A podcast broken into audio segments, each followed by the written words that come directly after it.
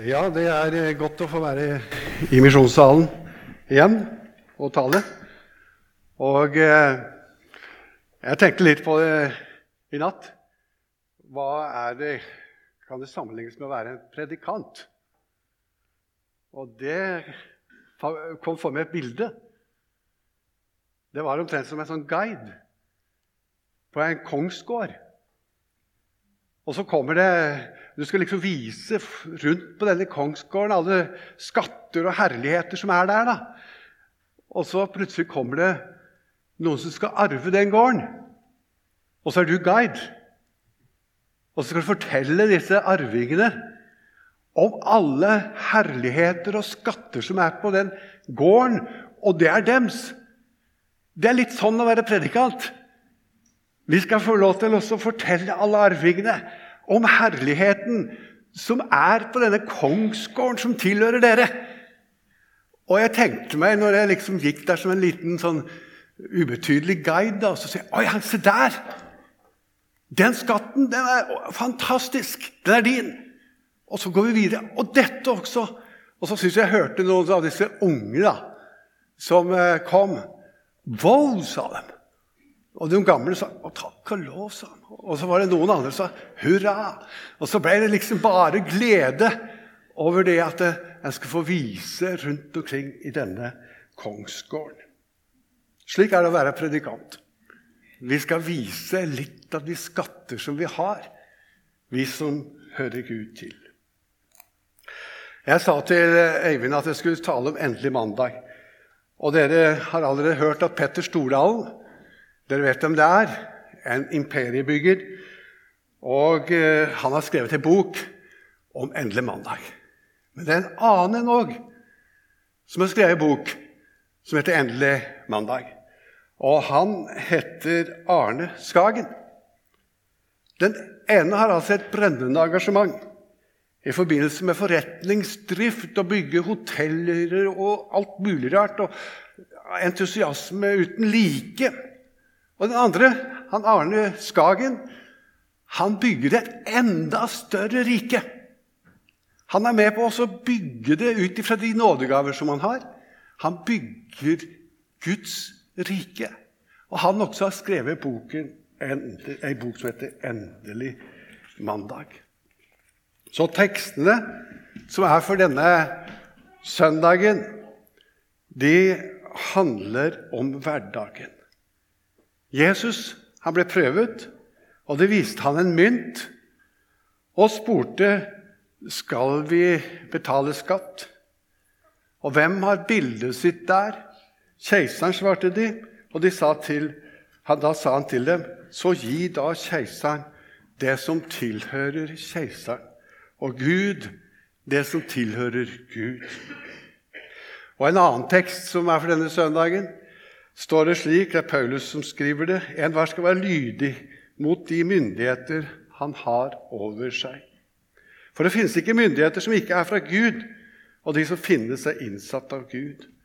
Og den som setter seg opp mot dem, står derfor imot det Gud har bestemt. Og de som gjør det, skal få sin dom. Kanskje litt eh, vanskelig i enkelte kulturer og enkelte systemer å si akkurat dette. Men der hvor myndighetene er ulydige mot Gud, der skal du stå opp imot myndighetene. Og profeten Jeremia, der ble det sagt slik at ta dere koner Altså, de var i fangenskap, de som ble sagt dette til, jødefolket. Og da skulle du leve et normalt liv. Ta dere koner og få sønner og døtre. Ta koner til sønnen og gift bort døtrene deres, så de kan få sønner og døtre. Så der skal dere bli flere og ikke færre. Dere skal fremme fred for den byen som jeg har ført dere til eksil, og be til Herren for dem. For når dere har fred, har også dere fred. Dette er de tekstene. Men den fjerde teksten, den som vi hørte fra Gamle Testamentet, den har begynt å arbeide i meg. Og Jeg kommer til å si mest om det, og ikke Matteus 22. Så den handler om en skikkelig blåmandag, nesten. Om en skikkelig nedtur. Det var Adam og Eva som Eva som hadde to sønner, Kain og Abel. Og så bar de fram offer for Herren, der de arbeidet på marken. Men Gud aksepterte bare Abels offer. Og rivalisering og misunnelse førte der til det første brodermordet. Der ute på marken bar altså de første menneskene fram offer for Gud. Så selv om veien til paradiset var stengt, så var det slik at de søkte Gud med sine offergaver. Ja, Kanskje nettopp fordi det var stengt, så prøvde de å finne tilbake til Gud. Slik er menneskene. De leiter etter Gud, og de søker tilbake til sin opprinnelse. Vi sier gjerne at eh, mennesker ikke søker Gud, og siterer Paulus, men det betyr at de kan ikke finne veien inn til Gud. Men at mennesket er uhelbredelig religiøst og søker Gud på forskjellige måter, det ser vi i forskjellige religioner. Alle religionene viser oss egentlig at de søker inn til Gud. Ja, sjelen den er urolig inntil den finner hvile hos Gud. Men Kain, for Kain så ble dette en ulykke for ham.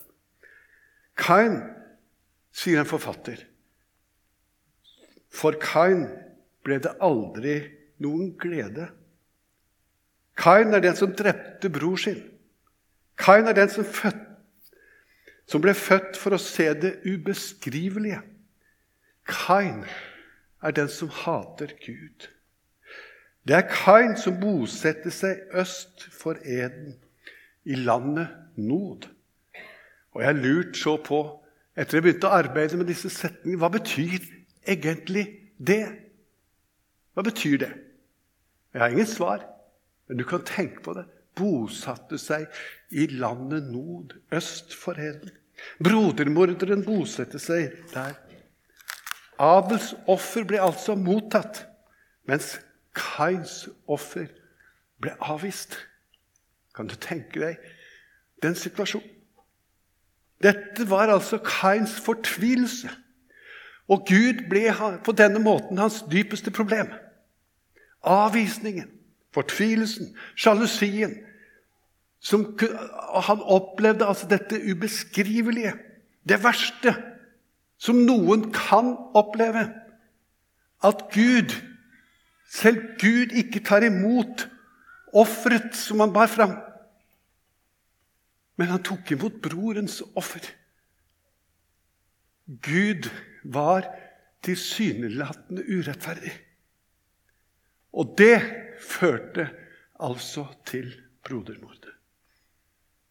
Ser vi konturene av noe her? Det var jo en som ble avvist som ropte ut på Golgata, 'Min Gud, min Gud, hvorfor har du forlatt meg?' Her er det et offer som Gud selv hadde brakt fram. Derfor opplevde Jesus å bli avvist. Han kunne ikke slippe unna. Han var utvalgt for å bli ofret og være et fullkomment offer. Det fullkomne offer som ble ofret i stedet for oss. På denne måten skulle du og jeg få del i Guds rettferdighet. Abels offer var et slaktoffer, et dyr, offerdyr. Og Etter hvert så ser vi i Israels historie at det ble slaktet tusenvis av lam. Disse ble ofret til Gud. Og alt kulminerer i at Guds egen, Guds enbårne sønn, fullkomne sønn, går veien opp til Golgata. Han er offerlammet. Han er det offer som Abels offer pekte frem imot. Som alle offerlam, helt ifra det første offerlammet, pekte mot. Slik som døperen Johannes sier Se der. Der er det Guds lam som bærer verdens synd. Jesus ble ofret, og han ropte ut på Golgata. Min Gud, min Gud, hvorfor har du forlatt meg? Og Bibelen sier, så høyt har Gud elsket verden, at han ga sin egen sønn, sin sønn den enbårne, for at hver den som tror på ham, ikke skal gå fortapt, men ha evig liv. Dette kaller jeg kjærlighet. Slik at du og jeg skulle slippe å bosette oss i landet nord, øst for Eden, bitterhetens land, de fredløses land, der de som hater Gud, bor. Kanskje er det enda en dybde i denne tekst, disse tekstene her. Kanskje er det det. Og jeg har tenkt på det. Kanskje er det slik at menneskenes selvvalgte religionsutøvelse, enten den kaller seg kristen, jødisk, muslimsk, buddhistisk eller hva slags navn det bærer, det vil alltid ligne Kains offer når det er selvvalgt Guds styrking. så vil å bære fram et offer fra oss selv. Det er selvvalgt Guds styrking. Og alltid vil det bli som Kains offer. Avvist. Det er ikke bra nok. Din gudsdyrkelse er ikke bra nok. Den du har liksom fått til av egen maskin. Du kan legge det ned. Det strekker ikke til hos Gud. Det er litt av budskapet i dag. Gud godtar bare ett offer, og det er det han selv har tilveiebrakt, nemlig sin egen sønn, Jesus Kristus. Og det har han godtatt, og det gjelder, og det holder for deg og for meg. I Galaterbrevet sier Paulus, men om vi selv, ja, om en engel fra himmelen skulle forkynne dere et annet evangelium enn det vi forkynte dere, forbannet være Han. Det er avvisning. Om noen forkynner et annet evangelium, han skal være forbannet. Eller det som står i kapittel 3 i Galaterbrevet. Men Kristus kjøpte oss fri fra lovens forbannelse da han kom under forbannelse for vår skyld. Tenk det. Han kjøpte oss fri med det offer som han selv var, da han kom under forbannelse for vår skyld. For det skal stå skrevet:" Forbannet er hver den som henger på et tre. Slik skulle Abrahams velsignelse komme folkeslagene til del, så vi troen, ved troen skulle få ånden som var gitt løfte om. Derfor vil jeg si til deg, du som er her i dag Du som ikke har fått det til på noen måte. Det er helt ok at du ikke har fått det til. Verken din gudsdyrkelse eller noe. til. Det er helt ok at det er slik. Du skal ikke bli avvist av Gud. Du blir mottatt som kongebarn, som arving. Du blir mottatt av Han som hellig, ulastelig og ustraffelig. Alt på grunn av det offer som ble gitt i ditt sted. Synden ble lagt på Jesus, og du er fri. Da ligger ikke synden lenger på deg. Den kan ikke ligge på to steder. Er den lagt på Kristus, så ligger den der, og du, du er fri du som har tatt imot Jesus. Ren og rettferdig, synger vi. Himmelen verdig. Du er fri gjennom det Jesus har gjort.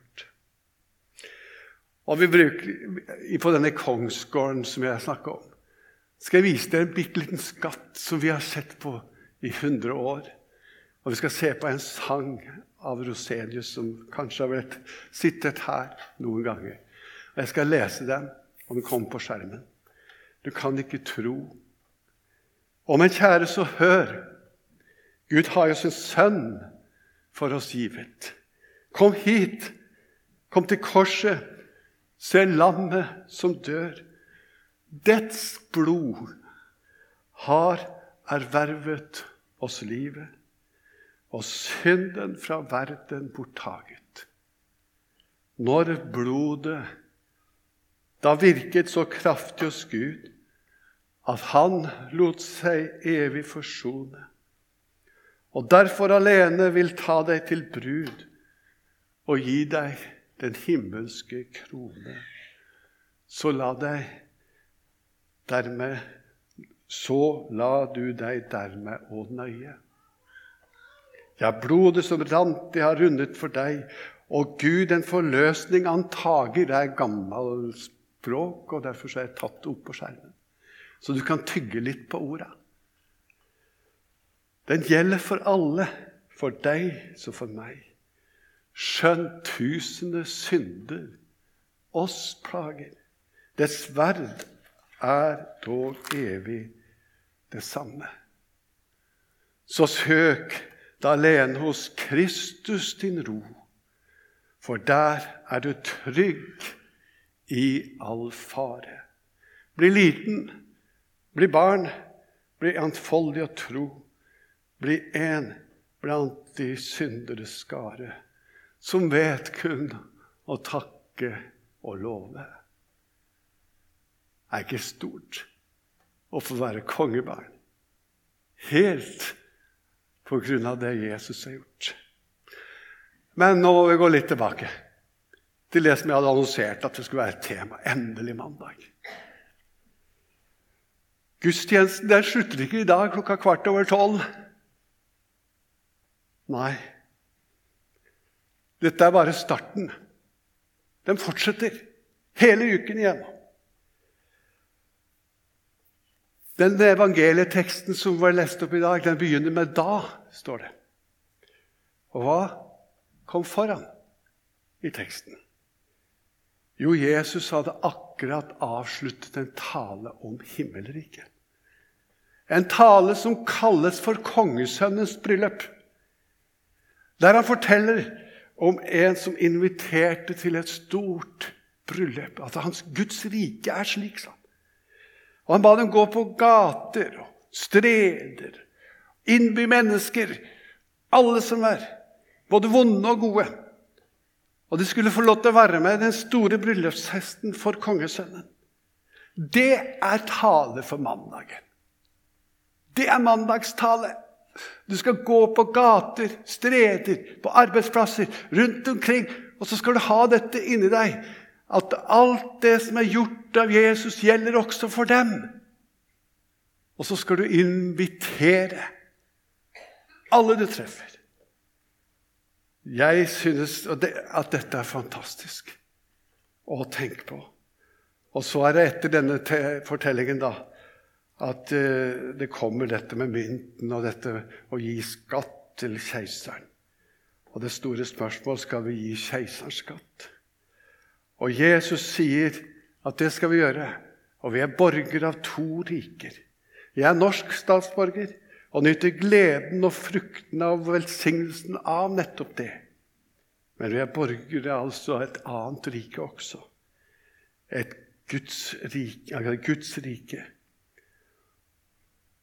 Og eh, denne foregående teksten om kongesønnens store fest forteller hvordan vi skal forholde oss som borgere i begge disse riker. Vi skal forholde oss til menneskene i verden. Vi skal invitere dem til å bli med på festen. Vi skal invitere dem til fest. Og eh, når du leser den, så kan du bli litt overrasket over gjestelista som, som ble lagt fram der. Det var ikke bare de gode, men både onde og gode. Denne søndagen handler det altså om å leve som kristen i hverdagen, med siktemål at du er satt inn med en hensikt og et mål. Og vi har sagt flere ganger, og sunget det også, 'Frelst jeg er for å tjene'. Frelst jeg er for å tjene. Vi kan jo stille et spørsmål om det er derfor. Er det egentlig derfor? Det kan dere svare forskjellig på. Jeg tror egentlig ikke det. Men jeg tjener fordi jeg er frelst. Jeg tjener av yr glede fordi jeg er kommet inn i samfunn med Jesus og er arving og kongsbarn og får lov til å være med i dette riket. Først og fremst er du et barn av Gud. Og det skal du få glede deg over. Det skal du få fryde deg over.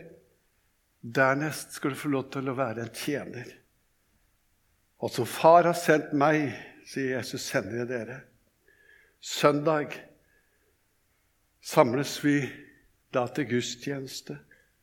Og søndagen skal vi utrustes for mandagen og sendes ut med det herlige budskap om at synda er sonet. Og kanskje du nå, etter denne gudstjenesten, eller i uken som kommer, møter en som bor i landet Nod. En som ser ned. En som er fredløs. Eller som Mattias Orheim eh, synger det Sjå, der kjem en sjuk og fattig. Der kjem en som spør om råd. Det er en sviken, det er en hatig. Her er nok til offerdåd. Lokka smilen gjennom tåra så med himmelsk glans forsjå. Trengsla kring oss får forklåra, festglans i det hverdagsgrå. Nod er et ukjent sted, men det hebraiske ordet ligner, ifølge de som kan hebraisk, på ordet 'fredløs'. Kanskje Gud nå sender noen fra misjonssalen til mennesker som lever i nod. Kanskje du også er en som har kommet inn i misjonssalen i dag. Som er fredløs og har det vanskelig av en eller annen grunn. Vi har et budskap ifra himmelen. Og det er at du er verdifull hos Gud. Og det er nok, det som Jesus gjorde. Du skal få lov til å vite at det offeret som ble ofret, gjelder for deg. Det er nok, det som han gjorde, og det er nok, det som han har sagt. Han har sona i syndens store. Derfor skal du få lov til å leve sammen med ham. Kjære Jesus, takk for det at uh, du gjorde alt som skulle til. Og takk for at uh, det er nok. Det mangler ingenting på Frelsesverket. Og vi skal bare få lov til å glede oss i at du har gjort det for oss. Og vi priser ditt hellige navn for at du gikk inn i døden, sonet alle våre synder. Og vi er rene og rettferdige.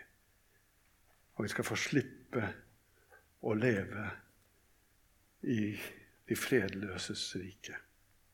Velsign oss til å bære dette budskapet fram hele uken. Amen.